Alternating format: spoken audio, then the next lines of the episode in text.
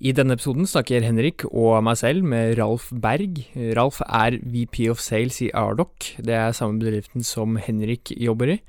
Ralf jobber med å utvide Ardoc til USA. Det er veldig spennende i seg selv, men eh, i den forbindelse så ønsket han også å ta denne podkasten på engelsk, som bydde på morsomme utfordringer. Så jeg håper du nyter denne episoden og lærer like mye som det både Henrik og meg gjorde.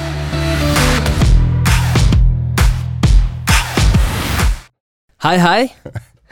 Ralph. Hi, Henrik. How's it going? Good, thank you. How are you? Or uh, as I like to call it now in uh, in English, uh, Ralph Netterberg, since you're going to the US very soon. Yes, indeed. So uh, today we're talking with uh, VP of Sales at Ardoq and my uh, boss. So this should be fun. I might get some constructive feedback after this podcast since we're doing it in English as well. But let's hope everything goes after after the plan, as we say.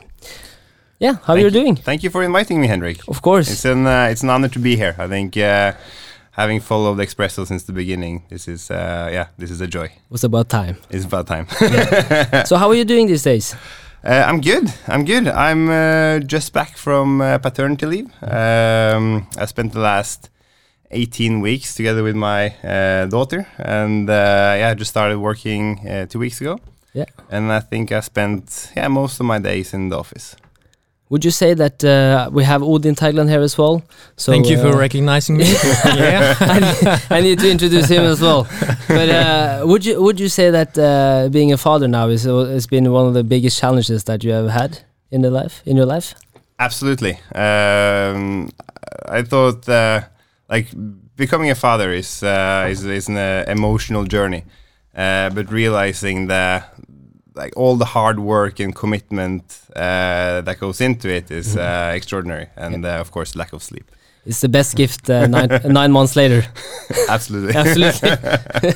so, what we were going to talk a little bit about today was was basically you know Ralph Netterberg, the person, uh, but then also Ardoq, the company that you work for, and yeah, I think. Um, maybe I'm a little bit biased, but I work for Ardoq myself, and I'm I'm quite happy to work here. Uh, so it's also cool to share more of uh, this interesting company as well. So, but before we go directly yeah, into the into our, the company, our yeah. first salesperson that's really interesting. Yeah, we haven't had any salespersons in the podcast. Exactly, exactly. Yeah. I, I, think most of the people who have been interviewing the, here have been salespeople, but they're yeah maybe not from uh, with a title. yes, and that's that's also the thing we're going to talk about, like sales. Uh, I would say as a philosophy, but also how important it is, and everyone is actually working with sales. They just don't call it sales, and they don't really know that they're selling, but everyone is selling as well. Yep. So I really look forward to talk about that. But uh, to start with, I talked to Philip, uh, my colleague, uh, your colleague. Uh, he's also from the same place as Ralph, Nesodden. Uh, greatest place to be. Uh, hashtag Oral B, isn't mm. that mm-hmm. right? Yeah, absolutely. Uh, and he, he said that since you were you were a friend with his brother yeah. when you were growing up, he said that you were a quite innocent young boy. Would you say that's correct? Probably true. Like growing up at uh, at Nesodden, you were kind of um, uh, secluded from all the uh, criminalities and the dangers of the world. You're mm. on this little peninsula outside of Oslo. yeah, uh, yeah uh, being brought up in a very safe and uh, sound environment. Yeah. How would you describe the the upbringing? Would you would you like? Did you go to Steinerskolen? I did not go to Steinerskolen. uh, no, I did not go to Steinerskolen. I um, I spent uh, I think most of my my childhood uh, playing football uh, or soccer, and um, and yeah, I was had very high ambitions to become a professional football player. Mm -hmm. Uh, but then, this, you know, it's happened to most people. Like I injured my knee, and then yeah. uh, I had to do something else. the excuse. Uh, I thought you, I thought you was gonna say uh, you started drinking or partying, but injured your knee. Yeah. yeah. Yes, and then came the drinking, and then came the girls, and then everything just like oh, started rolling. Yeah. It's not easy. Yeah, it's a it's slippery slope. did you have any role models growing up? I did. I was um, again going back to football. I was a uh, I still am a, a, huge fan of Manchester United, uh, and uh, at the time, David Beckham, I think, was the main uh, role model uh, that you could have. Yep. Uh, and of course, going more into leadership and seeing what Sir Alex Ferguson achieved with Manchester United is extraordinary. So mm. I think that's two very yeah, uh, relevant role models. Yeah. When did you realize that you were not going to be a football player? uh, I think uh, I went to I went to high school at uh, Wang, um, where it's a uh, it's a football uh, academy um, where we uh, had like training three times a week. And when they asked me to uh, train with the girls uh, instead of the elite team, then I felt you know that's the this is the cue. yeah. I'm out. I'm out. Yeah. Let's do something else. So uh, an interesting aspect there as well. Like, what was your what what kind of plans did you have when you were going uh, going to Wang? What what did you laugh now? the bad English? What? Odin, you need to tell me if I'm uh, having if I'm uh, if I'm uh, saying bad Yeah, English. I, I, I, I think what uh, what it means is that like Wang is penis in, uh, in English. we need to edit that out. Jesus Christ, these Nothing's gonna be edited. like, all honest. Okay, I should ask it again. So, uh, what kind of uh, dreams did you have when you were going at Wang? you need to edit that. okay, cut. you say high school. Yeah, high school, high school. Sorry. Yeah, uh, no, I, I- started having the, the ambition to become a professional football player, uh, but then uh, like uh, re- realizing that that's not an option anymore, Yeah. then uh, I, I I was very committed to study in the UK. Mhm. That was my dream. I didn't want to go to the military. I I I understood that uh, like the universities in the UK was among the best universities in the world, and I was going to the UK. Uh, I didn't think about which university, but I was going to go to the UK. Yep. Which university was it? I ended up going to Swansea uh, University uh, in Wales. Mm. So, uh, and that's also quite a funny story because uh, when uh, when I was doing my research and uh, I started working with this uh, this uh, study abroad in uh, type of company uh, who helps students get into universities in the UK. Uh, and I got into three universities. I think that was Bath University, Essex, no, four, yeah, London and Swansea. Uh, and then uh, they asked me, uh, oh, like, no, they sent me pictures and brochures from all different universities. And at Swansea University, they had a beach. Uh, the beach. Yes, in Wales. The beach. What I didn't know is that it, it rains like 300 days a year in Yeah, in Swansea. like so I never went to that beach. But it was there. it was there. I was there. So uh, you know, British people famous for you know working hard but also drinking hard. How would you describe describe that transition? that was a big transition. uh, no, it was uh, it was a very educational year, and um, I, I ended up started a, a bachelor's degree on, on business and administration. And uh, after a year, I like the first year at university, I I think I, I was partying a little bit too much, and I was playing a little bit too much football because I don't think I kind of let my dream go yet. uh, and then I ended up paying a huge amount in tuition fee with uh, I would say little to none uh, no returns. Yeah. Um, So after a year, uh, I decided to to move to Germany. So I started uh, started um, uh, yeah studying uh, at the private university in uh, in Germany. Mhm. It was in Bonn. Yes. Yeah. Uh, International University of Bad Honnef. How was that? How was how? Because that's the interesting thing as well. Like you've been in, you know, uh, growing up in and uh, studying in Norway. You've been in in the UK, but now also in in Germany. How would you? What did you learn from those two places? I think uh, Germany is um, one of the most underestimated countries in the world. Uh, the culture there, um, the people, the the organization around everything they're doing, it's it's yeah, it's extraordinary. So uh, like living in Germany was a, a big eye opener for uh, the country itself, um, but also the uh, the people uh, and their uh, their kind of their uh, their um, their passion for what they do. Uh, and I went to a class. It was it was a small class. It was 25 people. It was very hands-on degree in business, and we worked closely with companies like DHL. I also did uh, an internship at the Metro Group in Düsseldorf, and it was a it was a fantastic time where I feel like yeah I learned a huge amount of um, of business. How would you describe the work culture in in Germany? I would say it's very uh, organized. It's also very much uh, work hard and, and, and play hard. Um, but they're doing it in a very organized way. in the UK, they're a bit going off the off the ceiling a bit sometimes. So when did you uh, when did you start to have the fascination for sales? Like when because uh, after that you also uh, after a while you started working for Meltwater, Mm. uh, started by Jørn Lyseggen from Trysil in Norway actually. yeah. Uh, like when did your when did your fascination with sales or like project management started in that sense? I think uh, I had no um, when I finished university. I, I had no intention of starting to work with sales. That was uh, I was going to be. Was, first, I was going to be a consultant because I did an internship in finance um, in in Germany, and uh, where I realized sitting in front of like Excel files nine to ten hours a day is not like where my where my passion is. Amen. Uh, and then finishing university, I was uh, had the ambition to work for EY, KPMG, Deloitte, Capgemini, like the big ones. Um, and uh, that was that was a little bit of my my dream. And then, very coincidentally, again, I ended up uh, applying for um, a job as an account manager with uh, with Meltwater. And I think that was uh, that was the start of the like understanding the value of, of sales and what it brings to companies. So uh, also like uh, Meltwater being a Norwegian company that I think actually if if you're not interested, I think a lot of people don't really know that it is Norwegian, Nope. and it's been really out of the radar Yeah.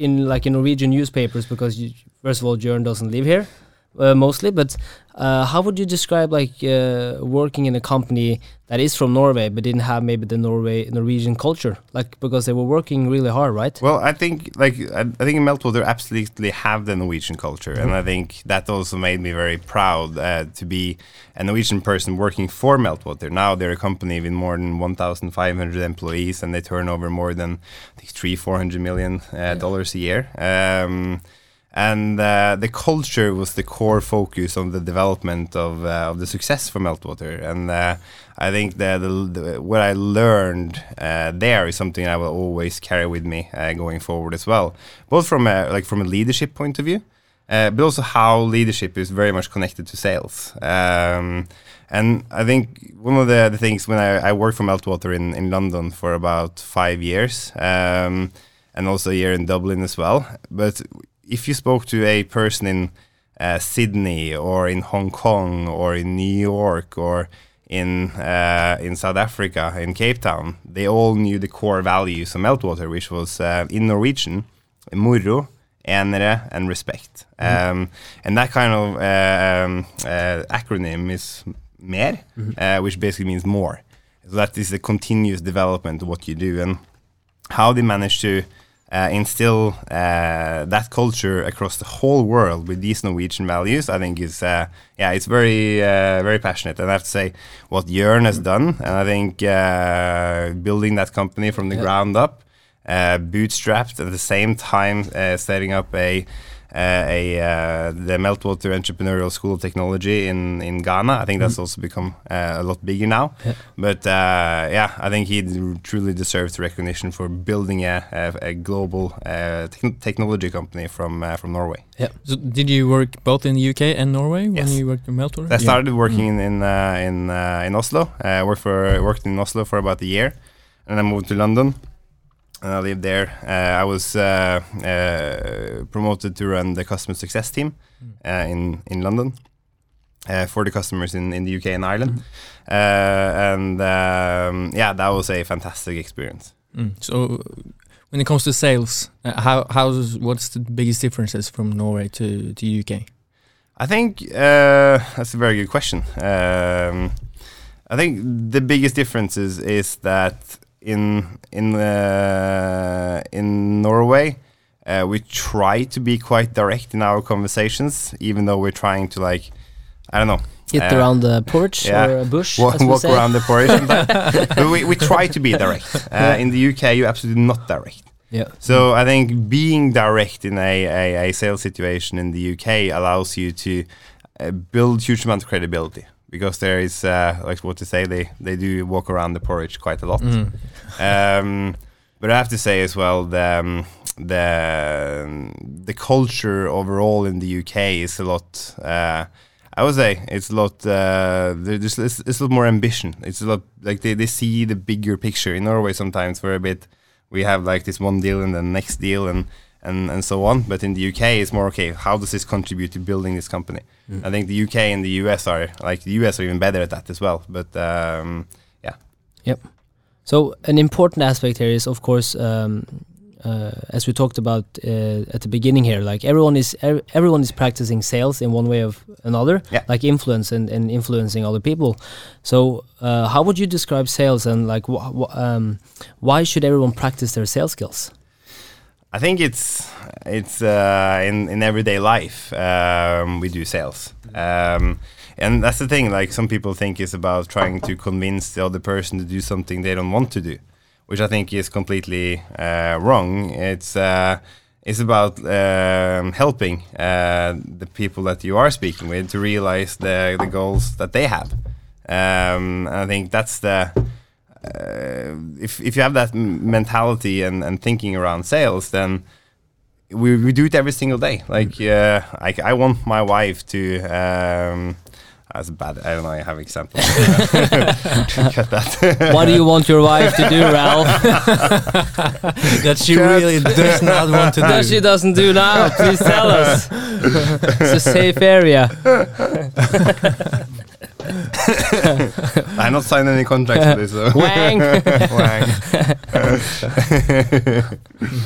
Okay, so Uh, uh, and also I'm wondering, um, Ardoq is really like a complex uh, company. Henrik has been uh, explaining it to me l- many times. Did a shitty job. yeah, and he does not probably understand everything himself, but he's doing a really good job at selling it.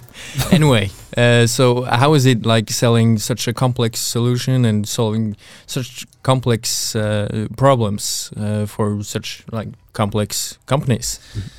I think it's um, like it is a little bit complex, but it's only as complex as you want it to be. Yeah. So, as in terms of sales, I would imagine it's really long processes. It's not like just overnight sales. No, it's not very transactional. It's uh, it's larger, um, uh, like enterprise type of uh, customers. Um, because I think it's important to like when we talk about complexity. Complexity only arises if um, uh, the person or the company is not very good at articulating what they are actually trying to achieve. Because again, for uh, like Ardoq is a company that um, specializes within enterprise architecture uh, and how enterprise architecture can be used to solve um, problems for uh, companies. So, how would you s- describe uh, enterprise ar- architecture I to, think to a simple mm, average person?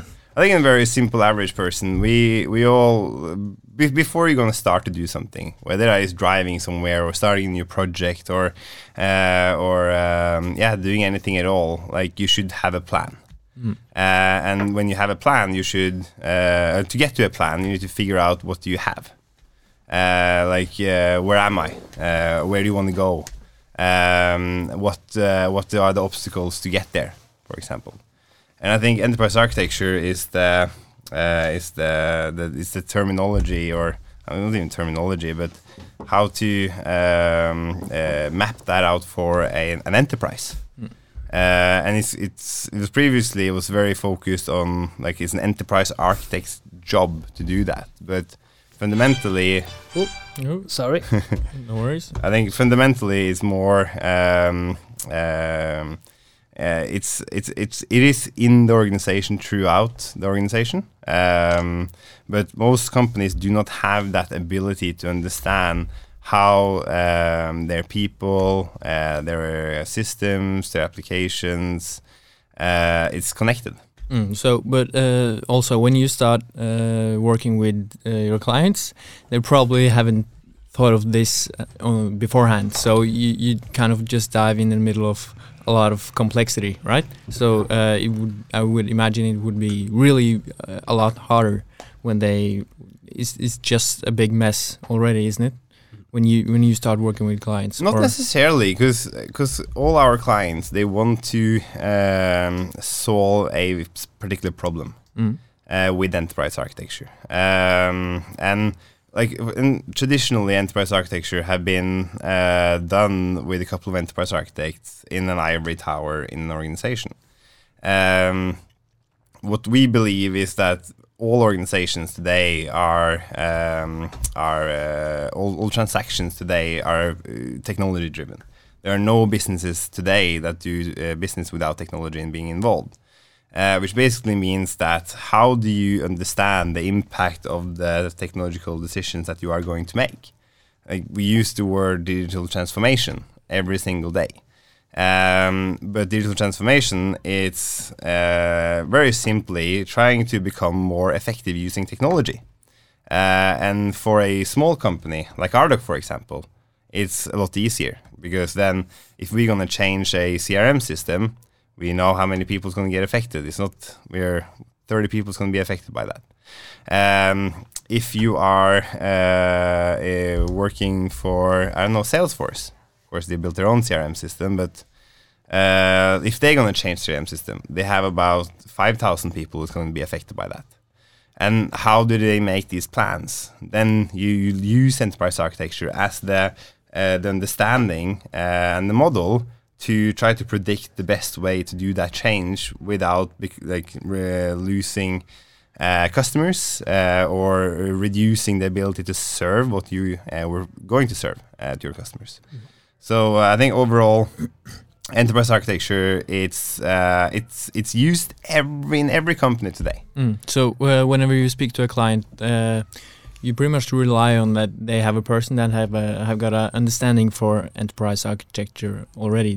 Do you find that a problem? Like, no, do most people have a dedicated person to do that, or I think most uh, most larger companies today they have dedicated enterprise architects, mm. um, and they are fantastic at being able to connect um, uh, connect the dots, uh, connect the enterprise. Um, and what we want to help them with is basically give them the ammunition to uh, present their insights in an easier way. Uh, collaborate throughout the organization because previously you had to go with like an Excel file and you have to go and interview maybe a thousand people to see what the impact would be instead of actually being able to automate that uh, that part.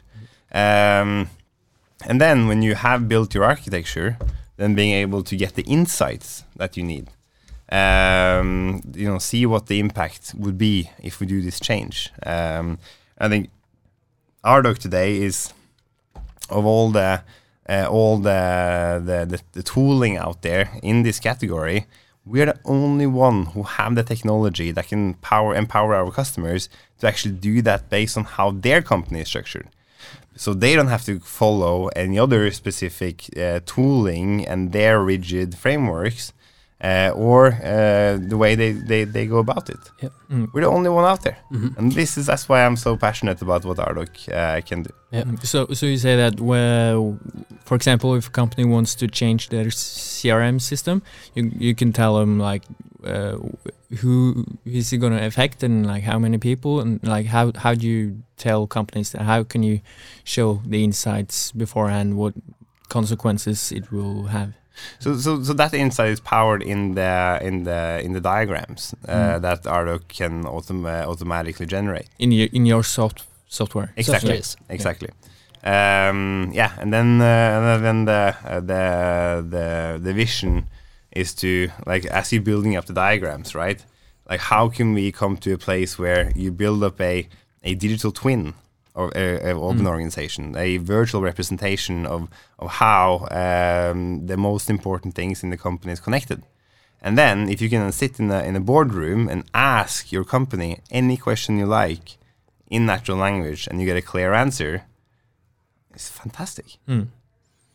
And I think also an interesting element is that, uh, you know, Ardoq is in an industry that hasn't changed for several years. Like 30 40 years. So enterprise architecture started in the early it's probably before the in the 90s as well but like enterprise architecture originally it started it was about you know uh, frameworks and and uh, notations and diagrams and whatever it might be. But today we see that it's about solving the business problems. Yeah. Um, so but i think yeah. like you, you still need uh, the notations mm -hmm. and the framework to have a common understanding of um, your architecture. Yeah. it's very very important. Mm-hmm. But how do you actually apply it, and how um, how um, uh, agnostic are you in mm-hmm. the in in the in the usage yep. uh, of this uh, this framework? Because again, in your company, the most important thing is to uh, communicate with the people in your company, not Exactly. everyone else. Yeah. Um, and as an architect, you they have the power um, to see the conne- connectivity and the connections Yeah. between uh, siloed departments, for example. Mhm. But I think if you're going to explain enterprise architecture in a very, very easy way, uh, is that do you have an iPhone? Uh, no, No. I got an Android. I don't know what's wrong with him. no, but I think an, an, an Android is also fantastic, right? But 'cause that means that like you have like how many apps do you have on your phone? Uh, well, I haven't counted, but probably maybe 20, 30, I don't Yeah. know. And how many do you pay for? Uh, no one that I can think of. Yeah, very good. And like how much power do all these apps uh, use? Probably a lot. Like I charge it every day. Almost. Yeah. Yeah. Again, it's different amounts of power and so on. But and the good thing about an Android or an iPhone, for example, all the apps run on a uh, a um, an op, uh, a what do you call it a uh, u- unified op, op, op, op, Operating operating system. operating system. Mm. Um, and uh, and uh, then it's very easy to get that insight. But if you look at a company who have you don't even know how many apps you have on your phone. Imagine like how many co- uh, applications they use every Mm. single day, Mm. and how much money that, does that cost? Mm. How much power does it take? Mm. Um, what are they actually going to achieve? Um, and how is it going to make the company more effective?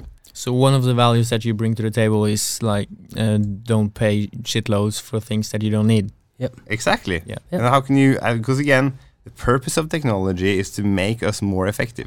Mm. if the technology is making us less effective, it's probably not, not a good reason to have it. Yep. So, uh, Ralph, I think uh, one one thing i- which is really interesting is that uh, you know uh, Ardoq as a Norwegian technology company. Uh, what would you say has been the biggest challenges when scaling this company? Let's say to start with, for example, we're the new kid on the block. If you look at it that way, so we also need to, you know, uh, communicate that there's a there's a change in in how enterprise architecture is looked on and etc. But also from a company perspective, like how to scale a Norwegian technology company international internationally Internationally, internationally Oh, we have done tons of mistakes, uh, and we have learned a lot. Um, like scaling a technology company um, from Norway, it's practically impossible Mm. because you need to you need to go out there. We need to go out in the world. Uh, and we need to understand what we're up against uh, out there. Uh, and one of the things that I, I wish we were um, a bit sooner is to be very explicit about what are we going to do um, in what countries. Mhm. As simple as that. Uh, because it's very easy to try to um, like the world is my oyster, isn't that a saying? Yeah. Um, but uh, it's a very big place. Mhm. Mhm. So to make decisions uh, on what we're going to do and what we're not going to do, Mm. it's very difficult. And especially in the beginning as well, where every employee in uh, in a startup company, the drive to succeed is so immense um, that uh, that uh, you, you want to you want to win everything. Mhm. But winning everything at once, I think no companies have ever managed to do that. Mm. so, so you're expanding to the US with Ardoq now. Yeah. So uh, what kind of preparations have you done? Like because I remember we talked to uh, the CEO of Crayon, and uh, he got a like almost a little uh, punch in his face, realizing that people from Texas is uh, not the same people as in New York, and like the cultural differences and uh, yeah, the business culture and everything. Yeah. So, so what have you uh, done of like preparations before you, you go into the US? So we we did quite a lot of preparations um, before we uh, set up our office in New York last year.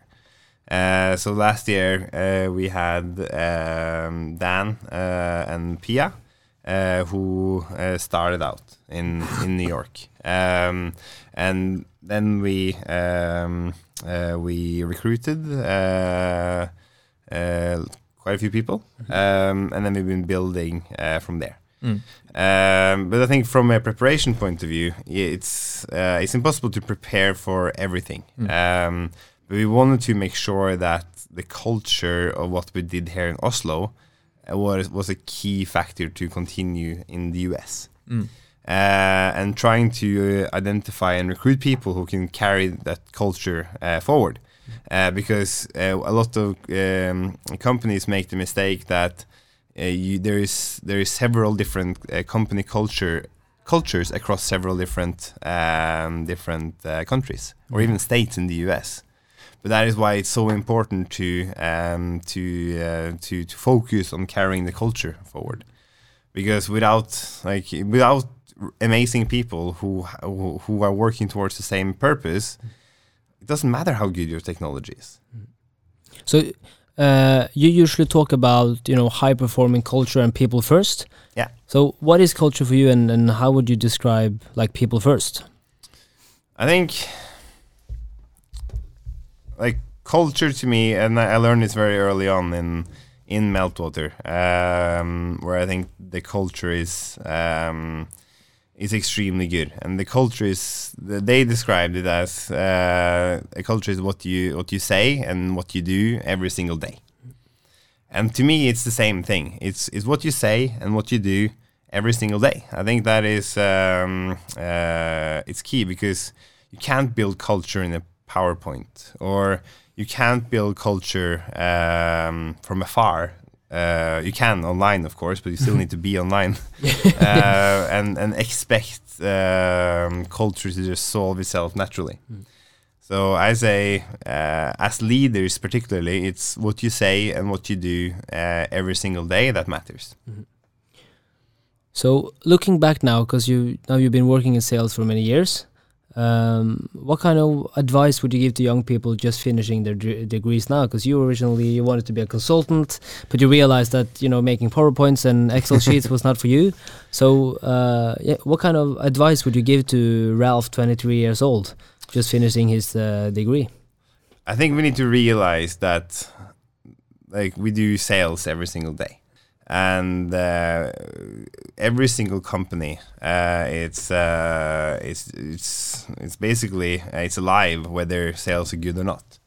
It's alive. It's uh, performing. It's uh, it's, it's it's it has the ability to invest to continue to improve if sales is is going well.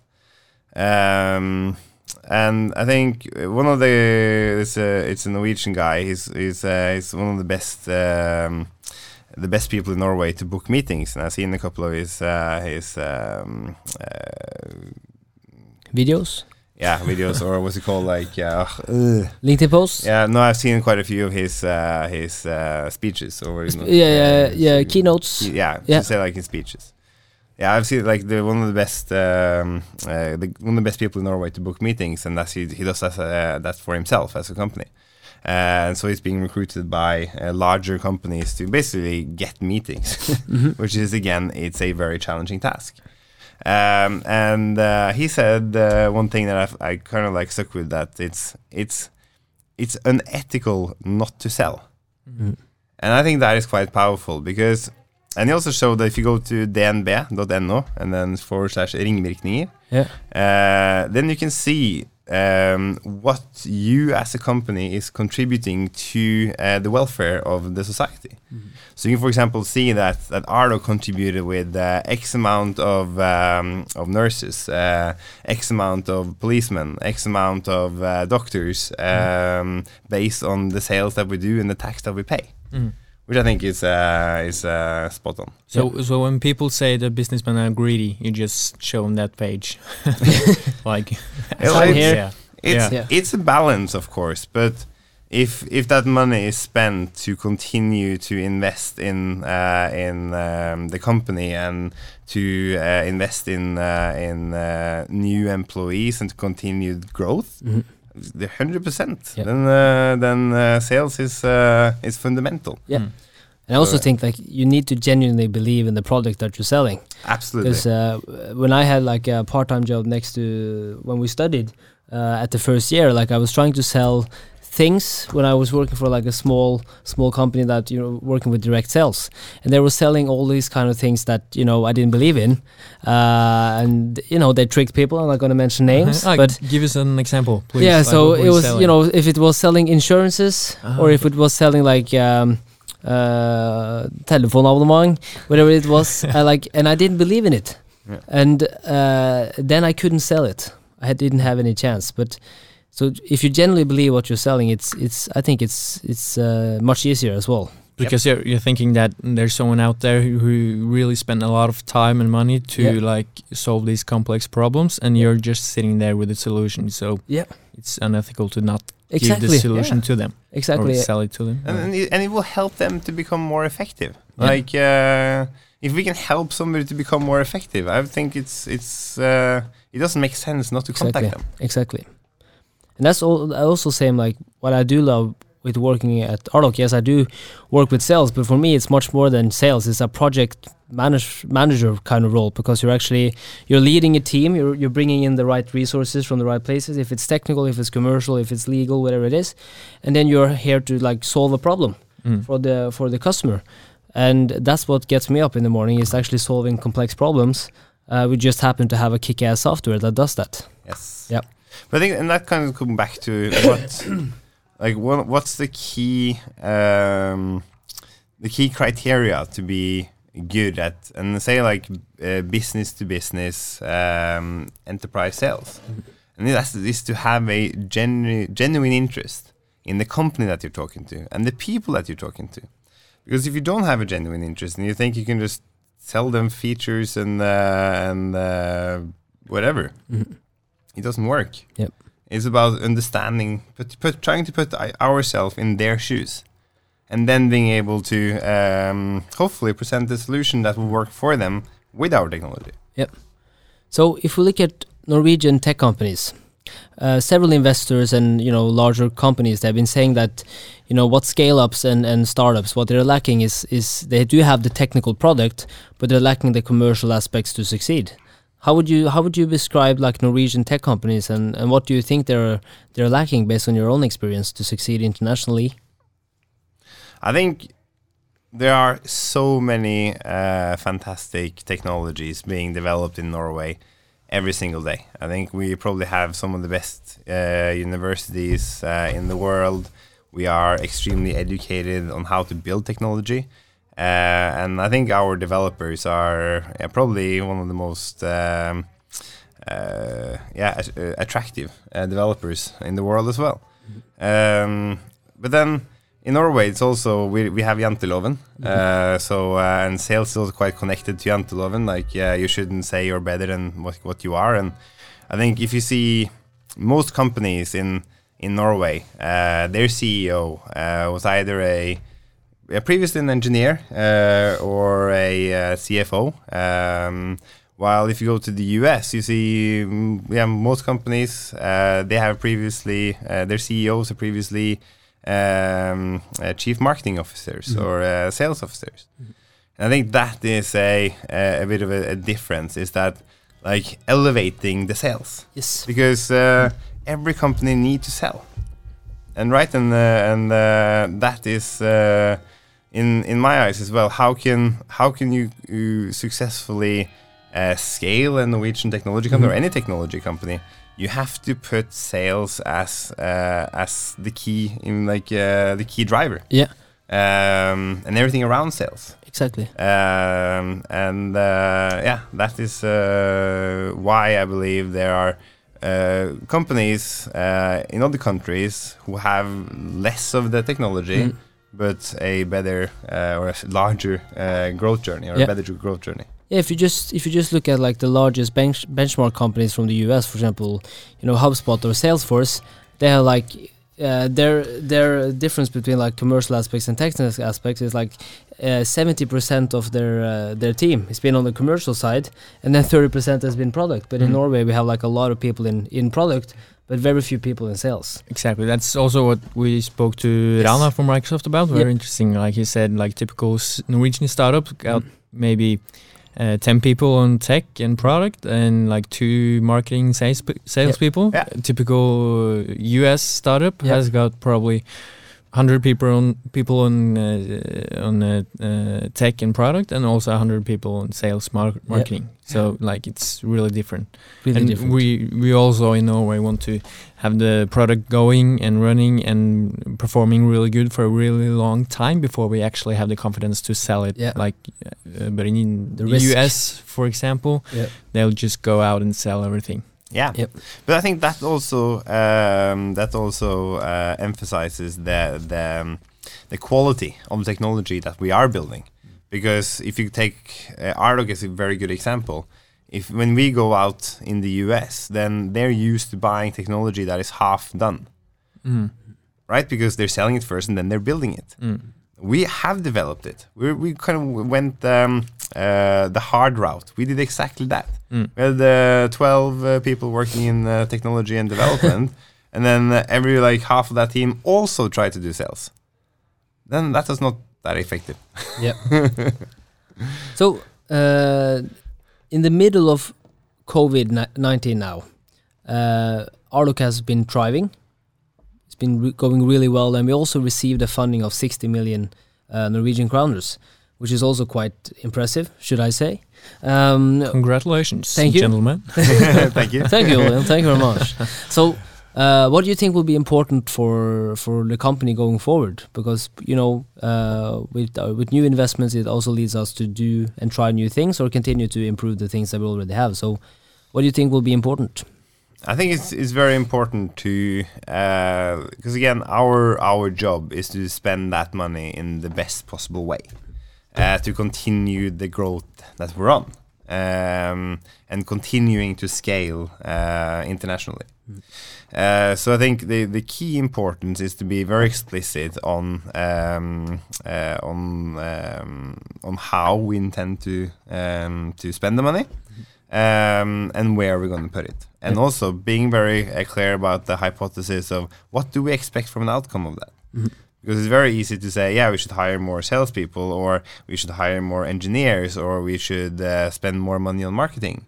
But the uh, the answer to where should you put the money is also based on the strategic direction that we are going to take. Yep. Um, and I know we have a, quite a clear strategy going forward, so I'm very excited that uh, like Magnus will share that tomorrow. So uh, Cool. or on Looking Thursday. forward to I'll let him do that. Awesome. so, uh, for the people that are maybe interested in learning more about Ardoq, what, how would you describe our culture? Like, how would you describe the people that works at Ardoq? What kind of people fit into the Ardoq culture? Yeah, no, I think uh, our our key. Um, uh, we asked all the employees in Ardoq to kind of describe what their culture meant. So I think um, we they described it very well. Uh, like we're we're quite bold uh, in the decisions that we are making uh, and um, and uh, on the journey that we're on. Uh, we're very driven um, because to be successful in a scale up, it is uh, it's it's not what we call eight to four. Um, It is a, a challenging journey, but at the same time, your reward is seeing something that is bigger than yourself uh, flourish, uh, and it's caring. Um, and I think caring it balances uh, bold and, and driven, and it also puts the like the people in Ardoq first. Um, and I again having been on paternity leave uh, basically throughout all of the COVID nineteen uh, period, uh, I've I'm very impressed how Ardoq and, and Magnus have handled um, uh, the um, yeah the situation. Uh, and how we as a company have secured the safety of our employees as the first and foremost um, uh, objective. So uh, and then uh, now we're seeing the uh, the, um, the effect of that, and and to see like everyone in Ardoq as well who have been able to um, have been able to adapt so quickly to the new circumstances is uh, also very impressive. How do you manage to uh, work such long hours? Because you said it's not just eight until four uh, every day. It's it's long hours, and you also got a family back home. Yeah. Um, I, I first I think this journey is not for everyone, um, and that is fine. I think it's it's uh, it's uh, it's something that we are passionate about, uh, but it's also something that's not for everyone. It's uh, it's not a given that uh, this is the the right thing for me um, or for you. Uh, so being able to be clear about that in the first place, I think, is very important. So before, uh, for example, recruitment processes, uh, we are very direct and and um, explicit on the expectations of a, a job like this. Um, and spending time with my family, it's uh, it's of course the biggest priority. Um, and now, as I'm working um, uh, working East Coast uh, time in the Mhm. US, then uh, I spend mornings uh, from 6 a.m. to uh, yeah uh, 1 p.m. together with my wife and daughter, uh, and then uh, I work until yeah 10 11 uh, midnight uh, and and i think that is then i'm we're, we're turning it a bit so- we can spend time together in the morning and then i can i can work um, so uh, but this is of course an adjusted situation because we were supposed to be in in new york Yep. Cool. So, uh, Ralph, where can people find you online uh, and Ardoq as well if they want to learn more about, uh, first of all, you, but also but also Ardoq? Uh, I think I'm I'm less interesting, but uh, I would love for people to get in touch uh, who want to talk about sales, uh, who want to talk about yeah what they want to uh, what they uh, are thinking about doing. Um, yeah, please contact me on LinkedIn. I think that's a great place. Yeah. Uh, I'm not so much on Instagram, Henrik. So uh, You will get there. you will get there. Soon enough. yeah. Through Instagram profiles. I, I have. I think I have like I have one profile, and I put out like six posts, and I, you have It's three quality, I have quantity. Yeah. Awesome. Um, yeah. Yeah, so we're, we're of course uh, we'll be putting your name in the description or the whatever, and Yeah. people can connect connect the dots Yeah. and uh, use the search function in Yeah. link LinkedIn. It should be fun. Yep. So uh, thank you so much, Ralph, and also thank you for sharing your uh, high school experience at Wang. And uh, have a great, uh, great week. Thank you very much, Henrik, and thanks for having me. Thank you, as well, uh, thank you very much as well, Odin. Thank you.